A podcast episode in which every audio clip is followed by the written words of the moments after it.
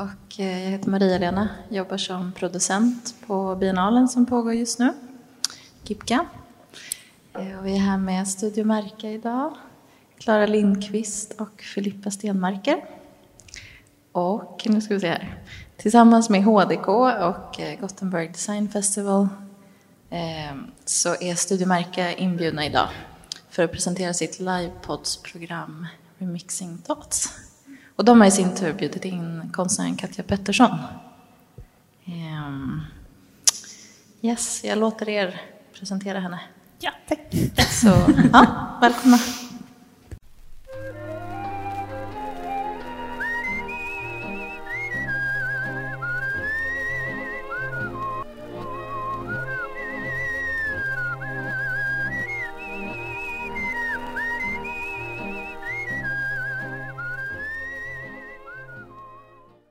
Hörs jag nu? Ja, ja. gud. Jättemycket. Eh, ja, och vi tänkte också säga att vi sitter på några fina stolar idag. Mm. Så det här är Sofia Florell som eh, har jobbat med en meditationsstol och lite så balans. Så jag har väldigt bra magmuskler efter den här helgen. Mm. Ja. Spänna mig lite. Och sen har vi Patrik Larsson här. Han är inte här, men Nej, där är han personen. Nej. Och här är eh, Nils som sitter här. Ja, hej. Och du jobbade med ska se, Carl Johan Larsson. Så det är han som har gjort illustrationerna på. Eh, ja, och de här är ju lite inom ämnet som vi ska prata om idag. Mm. Eh, balans och framtida förhållningssätt. Som Filippa ska presentera lite mer. Ja. Balans kan ses som en idealistisk syn på människan i relation till sin omvärld. Den är allt som oftast momentan, men har blivit som ett slags ramverk, vilket vi alla bör förhålla oss till. Balansen kan ses som en sinnestillvaro, där vi på längre sikt blir ett med oss själva och universum. Men vad innebär egentligen ordet balans i förhållande till samtid och framtid? Framtiden kan ses som både hopplös och hoppfull i proportion till parametrar som miljö, ekonomi, jämställdhet och politik. Hur balanserar vi synen på framtiden och den situation människan har försatt sig i? I dagens avsnitt pratar vi om begreppen balans och framtida förhållningssätt. Och det ska vi göra med designern och konstnären Katja Pettersson. Välkommen! Tack så jättemycket. Tack för inbjudan. Det känns helt fantastiskt roligt att vara här idag. Och är roligt att vara i Göteborg. Jag älskar Göteborg. Eh, så, ja, så, tack så jättemycket. Eh, vi har ju eh, skrivit ut Wikipedias beskrivning av dig. Som jag tänkte läsa också, så alla har en grund i ja. vad du gör. Eh, Katja Pettersson är en svensk designer som har arbetat och studerat inom ett brett spektrum av design. Innan hon studerade industriell design vid Konstfack arbetade hon i teater och med textilier. Eh, 2003 under sina studier grundade hon designgruppen Front tillsammans med tre andra studenter. Eh, Front har ställt ut på bland annat MoMA i New York och tilldelats priset Designer of the Future 2007. Eh, 2009 lämnade hon Front eh, för att närma sig möbelindustrin och skapade The 50-50 Projects med industridesigner Anders Landström. Sedan dess har hon arbetat som en oberoende designer eh, i undersökande designprojekt som kombinerar design med ett socialt engagemang och ett intresse för arbetsförhållande och produktionsvillkor för designers. Pettersson är för närvarande universitetslektor i industriell design vid Konstfack Eh, och Katja har även fått stor uppmärksamhet rörande sina utställningar Welcome Back och Brytpunkter. Står det där? det visste inte jag. uh, ja, det stämmer ju bra. Yeah. Uh, jag, ja.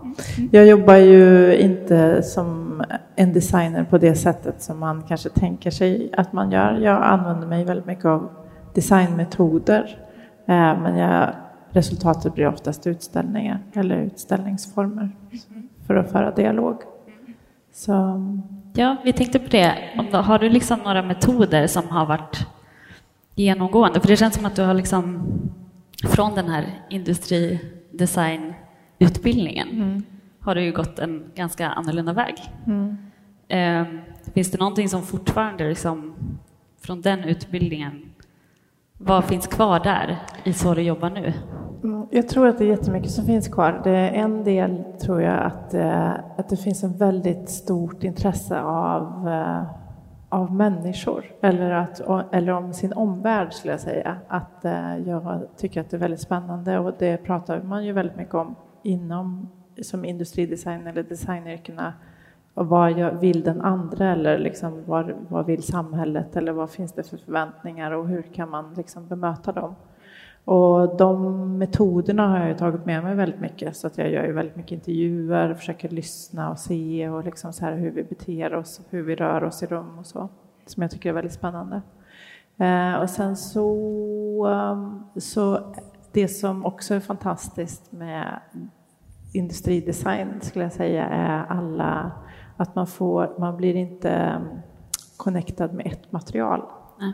Utan det blir som ett vokabulär, att man kan liksom, beroende på vad man har för ingång så kan man använda det materialet för att det berättar den starkaste berättelsen mot innehållet. Så det är så jag jobbar hela tiden, att jag liksom använder, jag måste liksom hela tiden lära mig nya material på något vis för att jag ska kunna berätta den berättelsen jag vill göra.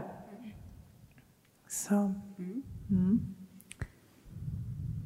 Ja, och sen har ju vi eh, tänkt på dig som både designer och konstnär. Mm. Eh, ser du dig själv som designer eller konstnär eller finns det liksom någon eh, Ja, att du liksom så tar dig an olika roller på olika angreppssätt. Eller hur, hur, ser du dig själv? Jag ser mig nog mer som en hammare mm. eller som ett verktyg för att kunna föra en dialog. Jag, och där, eh, beroende på vart det, de objekten som jag gör hamnar så blir, jag vill hellre prata om mina projekt än att prata om mig som jag, jag, ser mig som en medlare, ett medium till att komma fram till eh, en dialog kanske, eller liksom att, man, att jag kan väcka en känsla eller sen så tar sig de projekten sin egen väg beroende på vart de kanske passar bäst in, mm. tänker jag mig som. Och det, den här diskussionen har jag haft med massor eh, av personer och för vissa är det ju väldigt viktigt att, vara, att de är centrum av, att de är konstnär eller att de är mm. designer. Mm. Men för mig är inte det. Jag skulle hellre säga att jag är kreatör mm. på något vis. Mm. Eh, att jag är mellanhanden. Mm. Men då det som du liksom utgår ifrån då, det är eh, för det känns, eller vi, vi har pratat om det, här, när man, dina utställningar är, det känns lekfullt och väldigt så, eh, jag vet inte, speciellt eh, Welcome Back. Det känns verkligen som en så här, lite ceremoniell eh, mm. och så. Men det är också ett jättestort allvar i det. Mm. Eh, vad kommer liksom grundtankarna? Det, det, känns som att du har verkligen en eh, något som vi pratade om där ute också med natur och kultur. Mm. Att det är någonting som du liksom försöker sudda ut de här gränserna. Ja, Nej, för mig så, jag har jobbat jättemycket med liksom så här hållbarhetsfrågor och jag har varit väldigt, väldigt intresserad av det sedan jag gick gymnasiet. Eh, men i, när jag liksom börjar rota i det mer och mer så inser jag att jag nog egentligen mest intresserad av när vi slutar och börjar bry oss. När liksom den brytpunkten händer att man liksom så här, ah, ah jag köper den där bilen i alla fall. Eller att man liksom gör de här eh, besluten som att, eh, att det är de som egentligen är mest intressanta. Det är inte sen vad som händer före och efter kanske inte för mig är så intressant. Nej. Och när jag gjorde Welcome Back så eh, är, när jag gör saker så går, tar det ju jättelång tid. att jag läser och jag håller på, och jag håller på att prova material. Och, men eh, det som var eh, den viktigaste punkten i det projektet var när jag insåg att för när vi pratar om eh, hållbarhetsfrågor eller beteenden som sker i, i den här statusen av att världen faktiskt håller på att gå under. Alltså, vi håller på att gå under, inte världen. Mm. då handlar det om väldigt mycket om skuld. att vi så blir matade med skuld, att vi ska göra på ett specifikt sätt, vi ska äta, vi ska gå på ett specifikt sätt. Mm. Att det är någon annan som berättar för oss att vi, att vi ska bete oss på ett specifikt sätt som gör att vi eh, att det blir som en, eh, en ett, ett skinn, liksom. Att, vi liksom så här, att det, är liksom, det är lite så obehagligt, det är liksom så här utanpå oss, men det, det är inte i hjärtat. Mm. För att det blir så obehagligt så vi börjar nästan så skydda oss ifrån det. Mm. Och när jag höll på med Welcome Back så tänkte jag så här att vi vet ju faktiskt bäst själva. Vi mm. vet ju bäst själva vad naturen är och om vi bara kan få tillbaka den relationen. Så då byggde jag liksom en miljö som skulle vara som ett framtidsmuseum av idag. Då. Att vi liksom lämnat jorden och kommit tillbaka. Eh, och att jag gjorde så apparater som, inte, som gjorde ljudet av av vinden, av, av elementen. Allting utgick ifrån elementen som man såg jorden på 1700-talet. Mm. Kanske att det fanns eld, det fanns jord, det fanns vatten, vatten och, och vind. Mm. Och då tittade jag på så här, hur, eh, hur man producerar ljud i, eh, eh, i film. Så då gjorde jag, så jag tog bort det synliga tecknet av vad vind är, mer att jag bara producerade ljudet. Mm. Och att det som jag egentligen ville var att man skulle gå dit och höra ljudet, kanske förstå att det är vind, men att höra att det är fel. Att man så här, nästa gång när man hör vind så bara, ja, jag vet ju hur det låter. Mm. Att, man har, att man skapar den här den riktiga känslomässiga förståelsen att man faktiskt har bäst kunskap själv. Mm. För skuld är nog bra. Så Greta jobbar ju med skuld väldigt mycket, mm. men eh, jag, jag vet inte. Jag tror att vi måste ha både och. Att vi måste få in de emotionella triggerpointsen liksom, för att... Eh, mm. Ja, för på något sätt när jag, eh, vi var och tittade på Welcome Back då med, mm. ja, med skolan faktiskt. Mm. jättefint. men då kände jag det skulle ju vara liksom den här apokalyptiska eh, framtiden och att människan på ett sätt kommer tillbaka. Mm. Eh, och på ett sätt så kändes det också ganska, så här, eller ganska hoppfullt. Ja.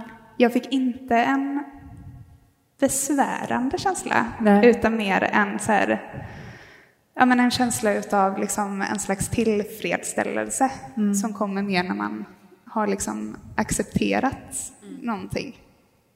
Men sen så väcker den ju å andra sidan också mycket liksom, ja, men liksom tankar kring vad vi liksom håller på med och eh, hur vi påverkar andra.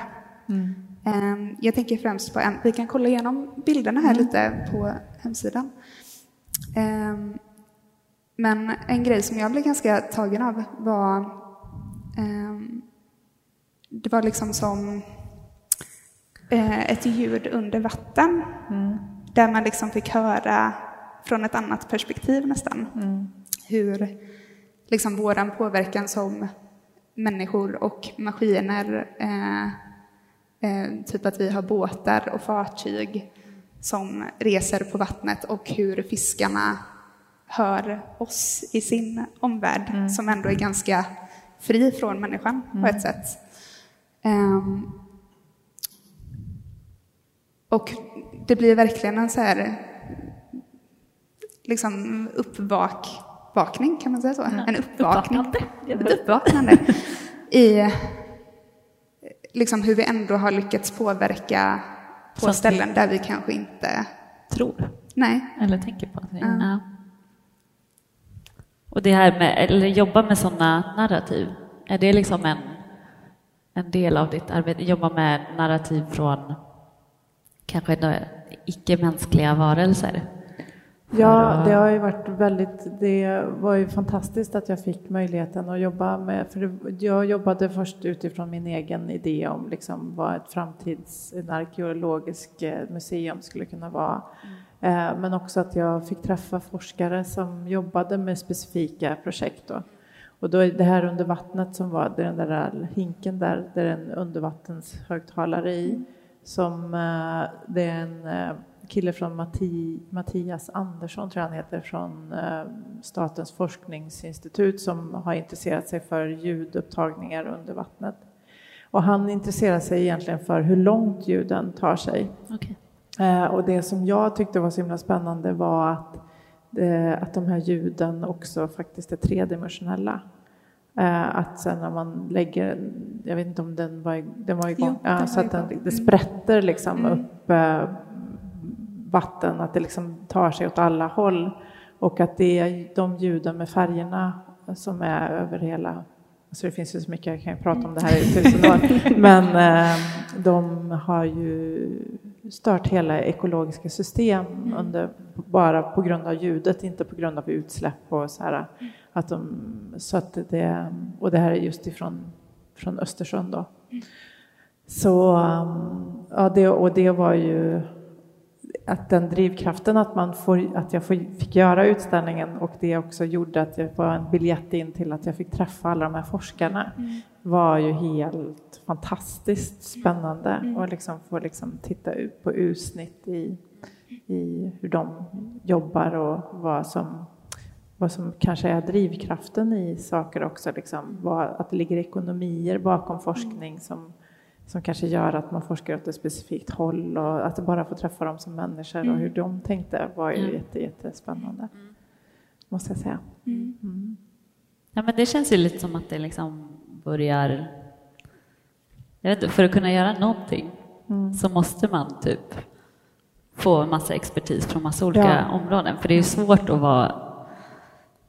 Visst, vi kanske har någon som designer kanske har någon slags hantverksdel och vi har den lilla tänkardelen, men det känns som att när man jobbar med sådana här frågor mm. så handlar det ju nästan om att koppla ihop och förstå att ja, men de gör det. Mm. Det kanske skulle bidra någonting till den här delen av... Precis. Och det tror jag att det är vi är väldigt bra på som, som designers, att man liksom hittar kunskaper som gör att man kan liksom docka på och få det att växa och bli mycket starkare. Att det är liksom en väldigt liksom, kunskap som man kanske inte pratar så mycket om, mm. men att det är det vi gör hela tiden. Liksom. Mm. Att vi tolkar. Liksom. Ja, också de olika perspektiven. Eller vi, eh, vi var på, först var vi på en konferens som hette Multispecial Storytelling. Mm. Eh, och där hade man då så här väldigt acceptans av att ja, men människan kommer inte leva så mycket längre. Mm. Det är fine. Alltså det var nästan så lite hoppfullt. Ja, men vad skönt att de där sen.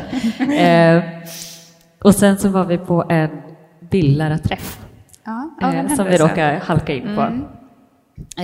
Eh, så det var en massa bildlärare som hade någon, ja, de tittade på en föreläsning och det var sån himla så här, ångest. Där fanns det verkligen den här klimatångesten. Mm.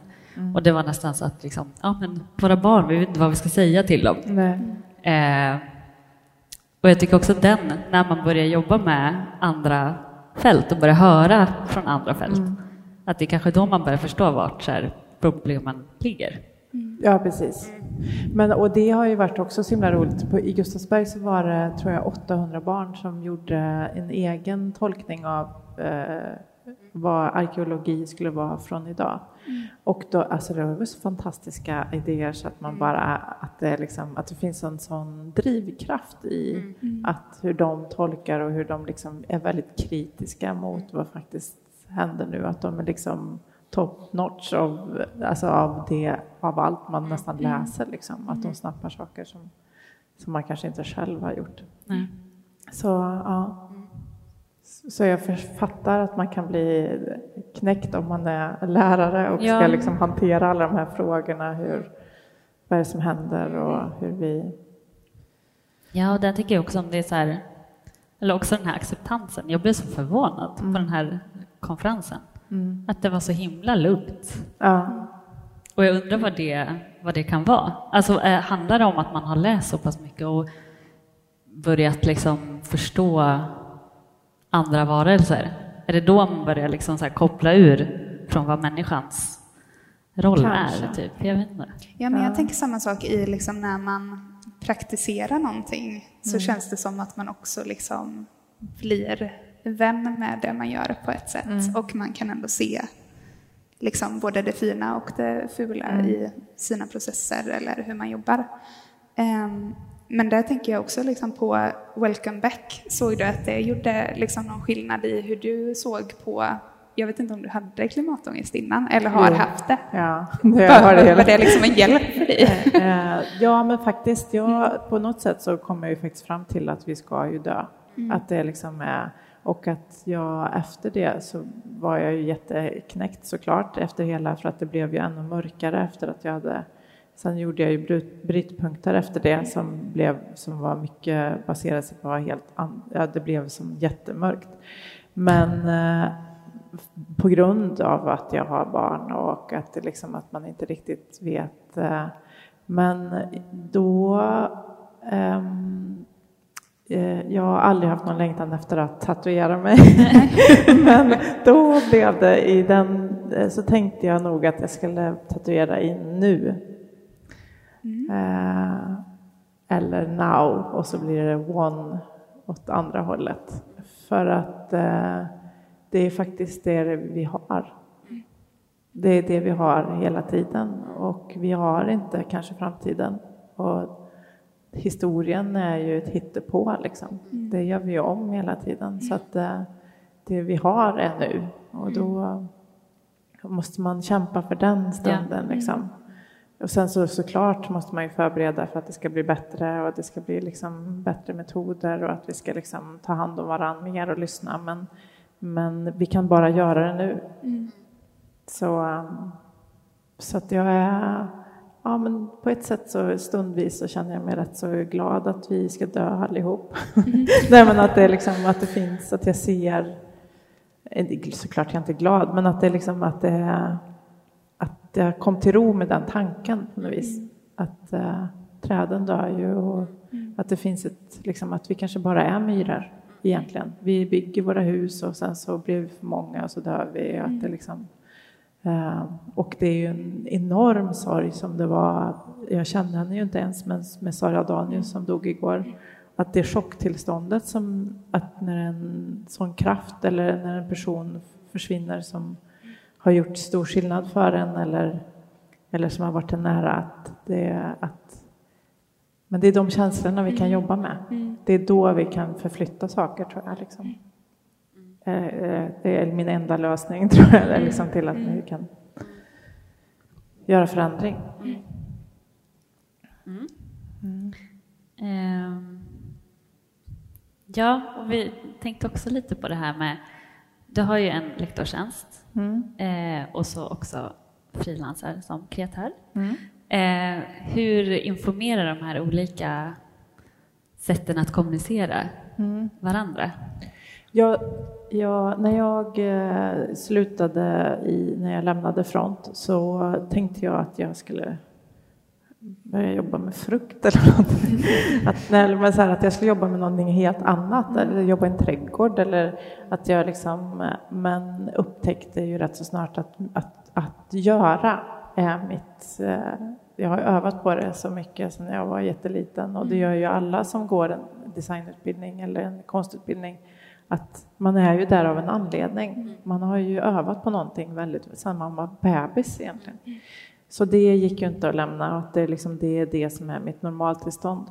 Men då, eftersom jag tycker att det är så spännande med de här frågorna så känns det ju så fantastiskt att jag får vara med studenterna och att jag får vara liksom i det här sammanhanget. Och det är ju en jättestor inspirationskälla men också liksom så här, ett sätt att få testa idéer i förlängningen på något vis. Liksom. Att jag ser att jag kan jobba med en punkt. Jag jobbar jättemycket med eh, Eh, att man liksom tittar på... Um, jag är väldigt intresserad av vad, vad människor har för grund. Uh, att jag tänker att vi är som myror.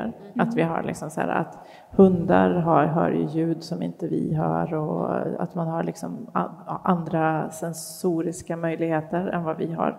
Och att vi um, då kanske är förprogrammerade på ett sätt. Mm. Eh, och då har jag på något sätt börjat intressera mig för, är det så att vi tolkar eh, gestaltningsuttryck liknande? Eh, och då har jag gjort de här workshopsen med studenterna och för dem är det för att jag vill lyfta fram när de, gör, de tolkar som färgen blå till exempel och så gör de om det till lerklumpar och så lägger vi upp dem och så tittar vi på klassens liksom, resultat. Och för dem blir det ju som att de kan lita på att de behöver inte ha Instagram och de behöver inte ha alla de här lagren av smak, preferenser, och, utan de bara har det i sig att de kan tolka att de kan komma ut ett resultat. Mm. Och för mig blir det ju som en större undersökning, finns det likheter i hur, hur vi beter oss, hur vi tolkar beroende på vilket rum vi är i och liksom så här. Så nu har jag säkert gjort det med säkert 600 personer. Och att det är, fin, det är ju liknande resultat som kommer ut. Så hälften av det som tolkas som gult blir oftast väldigt spetsigt och eh, blå blir platt och rund. Alltså det finns så här...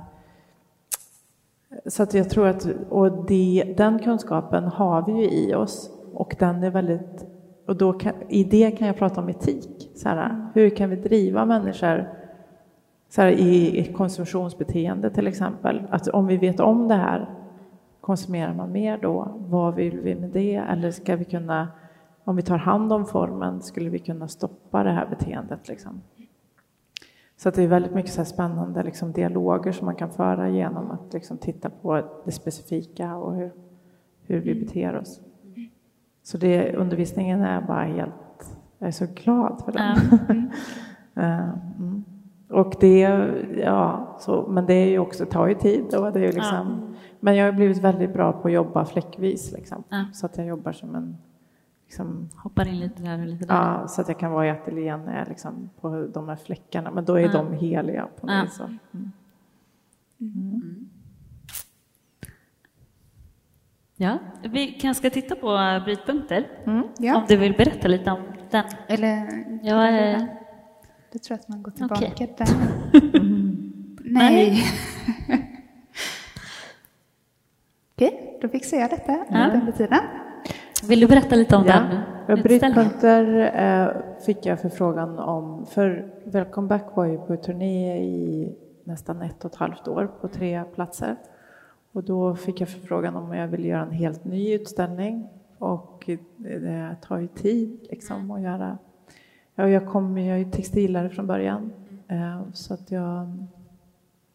Eller jag, det, på samma sätt som Welcome Back så, så är jag hela tiden intresserad av hur jag kan få någon att läsa med kroppen. Så det här eh, golvet i Welcome Back var ju väldigt så här att när man, det var ju lufttorkad lera så på öppningen så när man gick på det så krasade man golvet. Ja. Mer för att det var liksom, det är ju inte solen som torkar ut jorden utan det är ju det är vi som gör det. Och att det liksom genom att man känner det med sin egen kropp så kanske vi kan få en närmare förflyttning till att man ser hur man själv påverkar eller att man ja, men att det händer någonting när man går in i det här rummet. Uh, och då vill jag fortsätta med den idén på något vis. Hur kan jag upplösa rummet och hur kan jag få människor... För att um, det som vi gör, som hela det här ekonomiska systemet som vi har nu, gör att vi får den som en slags koreografi. Mm. Att det blir som en liten dans som vi håller på med. Vi liksom så här går in på de här butikerna och vi håller på med våra telefoner och att vi liksom så här får rörelsemönster som är lite här... Så här att man, som är svåra att bryta? Eller ja, man hamnar bara i dem? Ja, nej, de, är inte, de är inte bestämda av dig. Nej. Så därför så ser man inte sin, liksom, hur man agerar, utan det är, liksom, det är någon, något annat system som har liksom, och då vill jag liksom prata om liksom hur man kan upplösa det här rummet och när vågar man bryta gränsen för hur man gör. Så det här rummet var liksom gjort eh, exakt en kopia av det rummet, det var 120 kvadrat tror jag. Och så sydde jag en kopia av det som var en meter mindre åt alla håll. Och i tak och golv och vilket gjorde att det som, jag, som var viktigt, det som jag verkligen ville berätta om, var ovanför. Så det var som ett mjukt podium som man gick in i. Men det gjorde att man också började gå på ett annat sätt. För att det var ju luft på vissa ställen och det var liksom så här att man rörde sig kanske bara mer på vissa fläckar än på andra. Och, att man, att man kanske till och med börjar titta på sina egna fötter för att förstå, kan jag gå här? Eller liksom att, eh, att man börjar förstå sin egen kropp, att man mm. faktiskt gör den här rörelsen och så. Så det, så jag var tillbaka i eh, elementen igen. Eh, för att jag tycker det är så spännande med historia och hela... Eh, fast det var mer liksom eh, vad som... Den här dialogen mellan oss och människor.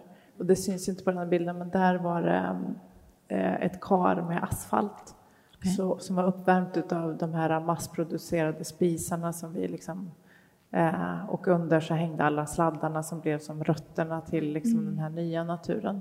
Så när man, upp, när man värmer upp asfalt på det sättet så blir det som en slags eh, värmeutväxling mm. så, som blir fysisk.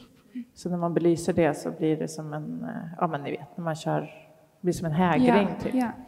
Eh, och sen så var det plasten och luften och hur de liksom rör sig ihop. Att jag ville visa på rörelsen av luft och, och att det, att det är liksom plasten vi anklagar. Att det är liksom så här, ja men den där plasten. Alltså, alltså att det liksom så här. Ja, ja, att den liksom, ja nu åt de upp den där plasten. Ja. Att det liksom så här hela tiden, att det blir som att vi förflyttar ansvaret till liksom så att det är två fläktar som har som en, de når aldrig varandra men det är som någon mm. slags dialog. Mm. Och sen så um, är det uh, själva, uh, det är som ett fönster som är öppet som det är en Alltså hela utställningen handlar ju om någon slags sorg på något vis mm. som jag var i. Så det är en svart gardin som var utanför halva och hälften var inne. Mm. Och att det, den här sorgen är ju den är ju jättesorglig när den är på ett personligt plan. När någon går bort eller när, någon, när att man ser att det liksom... Mm. Men när det, ju längre bort det förflyttas så får vi en mer så här äh, stel blick på... Eller liksom så här, ja, ja, men det... Alltså, mm. att det blir som att, den här, att det finns så här äh, grader i hur vi tar, tar oss till saker på något mm. vis. Och så den sista är vatten som eh, som är en eh, kondensator, en luftavfuktare som tar upp luften som andas i rummet och som folk svettas och, och sen så slog den av vid vissa tillfällen så rann den ner på en varm platta som ångade tillbaka till den. Så den här, mm. Som någon slags ekologiskt system som vi bidrar till, alltså att vi hittar på maskiner som, som ska lösa mm det vi har, att vi liksom släcker branden på det sättet. Mm. Så, mm. Ja, du beskriver den som... Eh, kan säga, det står någonstans i den där texten också, det här med otillräcklighet eller så kontroll. Ja, att man tappar kontrollen mm. eh, och maktlösheten. Ja. Eh, och det känns ju ändå som någonting som är ganska liksom, eh, som man verkligen känner som människa, tänker jag. Men att man har också liksom blivit ganska satt i den positionen från hur vi har levt. Mm. Det pratade vi lite om där ute också. Um, och liksom så här hur, hur man, typ, om vi tänker liksom framtid, hur man kan liksom skifta den makten eller hur man kan låta sig liksom tappa kontrollen mm. och bli någonting annat mm. på ett sätt. Ja, men jag tänker den här mergen av natur och kultur som ja. jag liksom någon slags här, det har någon slags lugnande effekt för mig i alla fall när jag börjar se mig själv som natur. Mm. Uh, och det känns ju som att du ja. gör, mm. eller jobbar väldigt mycket i din mm. Men hur jag vet inte, för jag, vi pratade lite om så här, men vad hörde vi om hållbarhet när vi gick på kandidaten? Mm. vad skulle vi göra då? Ja. Eh, och då handlade det om att typ, ja men hållbara material, hållbara mm. produktioner. Mm. Men det känns som att, eller hållbarhet har blivit så ett ord som liksom inte riktigt funkar längre. Nej. Som design, typ. Nej. Design funkar inte heller för Nej. att det är, så, liksom, det är så många att man måste nästan definiera mm. vad man menar. Liksom. Mm. Så, ja. Ja, nej, det har blivit, det, har, det används ju på så många, det är som en greenwash mm. eh, ord också på något vis, att man liksom ska skydda sig. Mm. Men, ja, eller jag tänker på det här, eller typ, du jobbar ju mycket med framtiden. Så. Mm. Hur tror du man kommer liksom definiera den? För nu känns det som att det är, om jag skulle säga hållbarhet och verkligen försöka säga vad jag menar med det, Mm. så menar jag ju typ allt. Ja. Det är lite det, hur ska vi liksom hitta de här jag vet inte, sätten att arbeta som är hållbara? Mm. Jag lyssnade på ett radioprogram häromdagen som eh, är så dålig på namn, men hon, Therese tror jag hon heter, som har skrivit en bok som heter Gratislunch. Är det någon som har läst den? Nej. Nej. Men, eh, och jag håller med henne. Vi måste sluta med allt. Vi måste bara sluta liksom. Vi måste liksom inte tro. Jag gör så här tester jätteofta på mig själv. Så här, hur många jordklot jag... Och jag, även om jag tänker att jag har dragit ner på jättemycket. Så nu sist tror jag att jag förbrukade 5,2 jordklot. Att eh, vi måste liksom, det finns tekniska lösningar och de är jättebra och liksom så här, men vi måste också sluta. Liksom. Att vi måste liksom vara... Och det som Pella sa nu också, att, så här, att man tänker sig att, vi, att de här, jag vet inte hur de sa det, men den här rastlösheten, att vi hela tiden... Att det, är någon, det är ju faktiskt någon som har designat det åt oss. Jag tror att, så här, att vi... Vi har ju säkert en vilja att liksom ha en drivkraft, men att vi måste eh, tänka att eh, om vi skiftar system, liksom, vi måste emellan där så måste vi sluta. så jag, jag vet faktiskt inte. Jag, det pendlar väldigt. Som, Jag tycker att det måste finnas någon slags så här hoppfullhet i den också. ja. Alltså i det här skiftet, att det inte... Man ser det så mycket som att så här, måste sluta med allting, men då finns det ju kanske någonting annat. ja, precis. Alltså det är lite den känslan som man måste jobba vidare med och förstå att det, och även som de som man vet inte vad det är, Nej, men man får nästan bara lita på att så här, det finns någonting annat. ja, precis. För hon drog parallellen då med fossila, fos, eh, fossila bränslen till exempel. Att eh, den här sloganen Keep it in the ground. Att eh, om, hon sa att om vi skulle sluta med det imorgon så skulle typ alla träd, allt, allt som vi skulle kunna förbränna som skulle kunna vara ett bränsle om vi har samma takt som vi har nu, då, det, skulle, det skulle inte finnas något kvar. Liksom. Så att det är liksom, hur förhåller vi oss till liksom, alltså, hela Greta, jag älskar Greta, men så här, vad, hur, hur gör vi liksom? Hur fortsätter vi? Det är liksom, eh, och vi kanske inte vet heller, alltså, så att vi kanske inte behöver veta, Nej. utan att vi försöker bara vara nu. Och typ nyfikna Mm. Mm. vad som kan hända. Mm. Mm. Mm. Eh, och sen nu, du hade en vernissage. Igår, ja. Igår. Ja. Ja, så att jag fortsätter med mina... Eh, det, det finns en liten film där tror jag, den med Ann-Louise. Ann-Louise, ja. Så det var ett projekt som jag gjorde, det här är inte alls det projektet, men det var ett projekt som jag började med 2014 tror jag. Som jag började läsa in mig på den planerade döden av objekt. Som heter Planned Obsolescence, som de introducerade efter kriget i USA för att de skulle säkra arbetstillfällen. Så det var liksom som en rätt så de, då tyckte de kortsiktig, men så här, ja, men det är en smart idé, Ja. för då får man ju jobb. Ja. Man vet hur många som ska få jobba och när den här tvättmaskinen går sönder om fem år, då vet vi ju att de kommer köpa nya och att det kommer liksom bli toppen.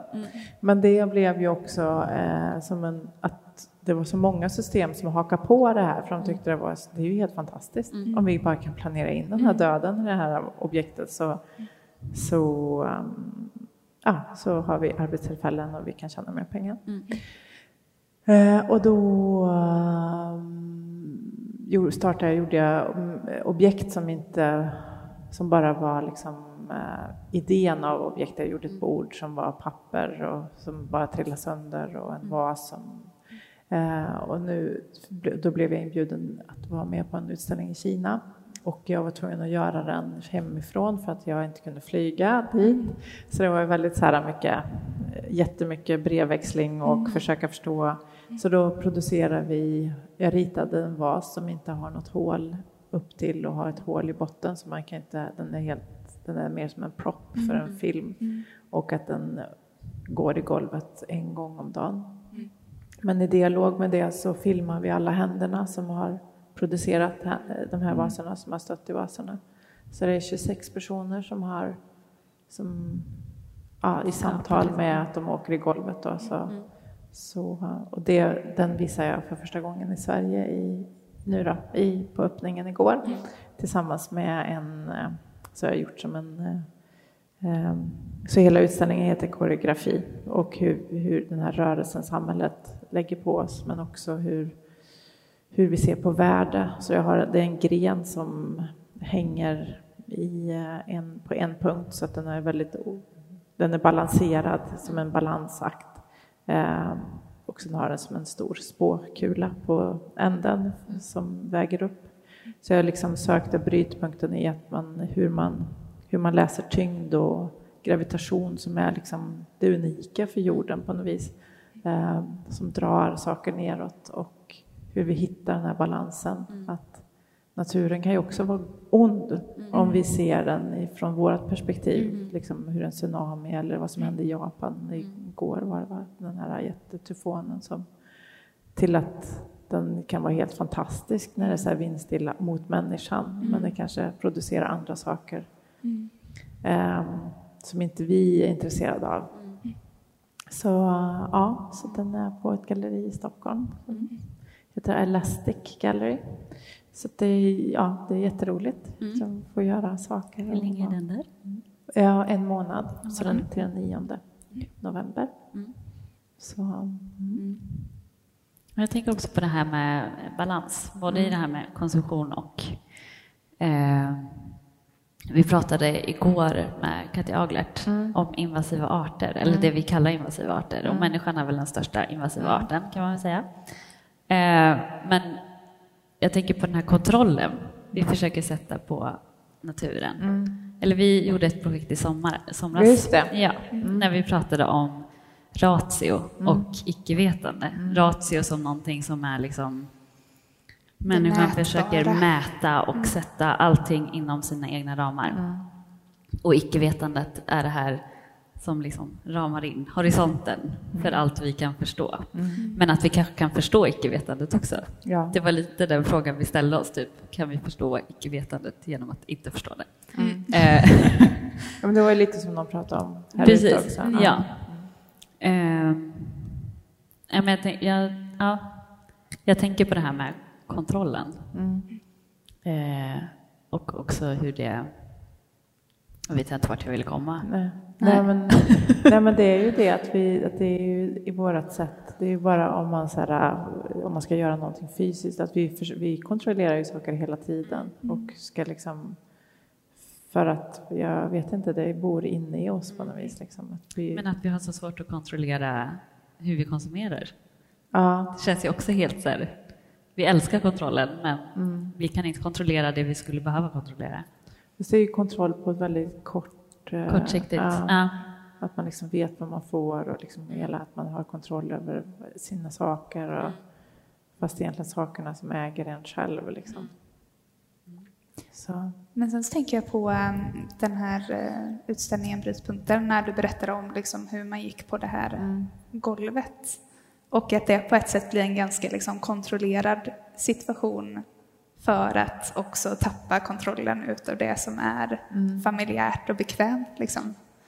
Och det känns lite som att det är på väg dit också, om man tänker hur liksom diskussionen går kring ja, men de här valen som vi behöver göra om vi ska välja bort grejer för mm. att inte förbruka fem mm. och ett halvt jordklot. Mm. Så det är liksom spännande att tänka kring hur, hur kommer vi se ut och hur kommer vi leva mm. tillsammans.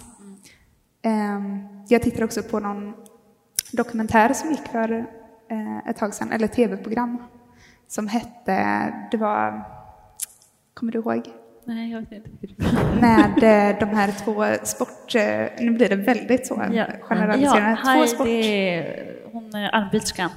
Just det. Och skidåkaren. Mm. Är- Eh, och den, ehm, ja, det filmades in någonstans i Storuman. Storuman. Ja, bra. Nu, nu är vi på, vi på banan. Eh, och det var så intressant att se liksom hur de levde sin vardag på ett sätt. Och att för dem så var det jätteviktigt att liksom, eh, kunna ta bilen till eh, stadskärnan och typ träffa sina vänner för att det är så de lever där. Och att på ett sätt så gjorde de de gjorde ett stort avtryck, liksom klimatavtryck eh, i jämförelse med om någon lever på ett annat sätt och kanske tar kollektivtrafik och sådär. Eh, men sen så är ju liksom inte, om vi bara avgränsar det till Sverige till exempel, så är det ju verkligen inte balanserat på ett sätt. Alla kan ju inte leva på samma sätt. Nej. Nej, och det tänker jag den här klimatångest och kraven man får på sig Och själv. skulden på något vis. Ja. Vad man ska, och det är ju jättekomplicerat hur man liksom ska leva det livet och liksom ta sig någonstans i liksom en glesbygd. När, inte, när alla de här statliga, liksom, när bussar inte finns längre och liksom hela... Uh, ja, jag vet inte. Och det är, det det är ju knäckfrågan. Hur, för det, jag ville egentligen fråga det nu. Men hur... Vi är ju liksom en så här äh, happy happy grupp som sitter Ja. här och liksom bara, ja men vi förstår precis. Och så här pratar om Donna Haraway Ja. och hon har sina, när hon, hon skriver om um, ja, men sci-fi. Hon, så här, hon skriver om ehm, eh, hur vi skulle kunna välja att vi skulle kunna bli en fjäril till hälften och att det liksom så här att det, det öppnar ju upp liksom i tanken för hur vi skulle kunna leva i framtiden. Men samtidigt så blir det ju som ett ehm, ett väldigt, väldigt slutet rum. Hur, hur ska vi göra det här på Ja. riktigt i liksom, när man tjänar, tjänar ingenting typ och jobbar liksom kanske tio timmar och städar liksom på McDonalds. Hur löser vi det då? Liksom? För att då är man ju liksom, om man är nyanländ, kommer till ett land och ska försöka bara överleva. Liksom. Så då måste ju det här politiska systemet vara, funka. Ja. Och det gör det ju inte. Nej. Det gör det inte liksom för... Så det måste ju både vara gräsrotsaktion och eh, ehm, politiskt Politisk, ja. Mm. intresse. Och det är ju det som är det läskiga, att det, det kanske inte drivs med så en Nej. hård... Eh, alltså klimatavtalet som gjordes i Paris, det var ju liksom, det är inte så många som har kunnat uppfölja Nej. Nej. det Nej. på grund av andra, andra anledningar. Mm. Liksom. Så, ja. Ja, men då kanske det är det här samtalet som de pratar om där ute också. Vi pratade om det igår också. Ja. Att man behöver föra samtalen och inte bara i sådana här rum. Nej, precis. Utan de måste föras på andra ställen. Ja. Eh, ja. Mm. Men vi, jag såg på klockan där. Tack så jättemycket. Tack så jättemycket. Det har varit jättekul att ni kom och att du kom. Jätteroligt. Ja. Och det går också bra att ställa frågor om man inte vill Efter prata i lite så. mikrofon. Det kan man göra. Bra. Tack så hemskt mycket.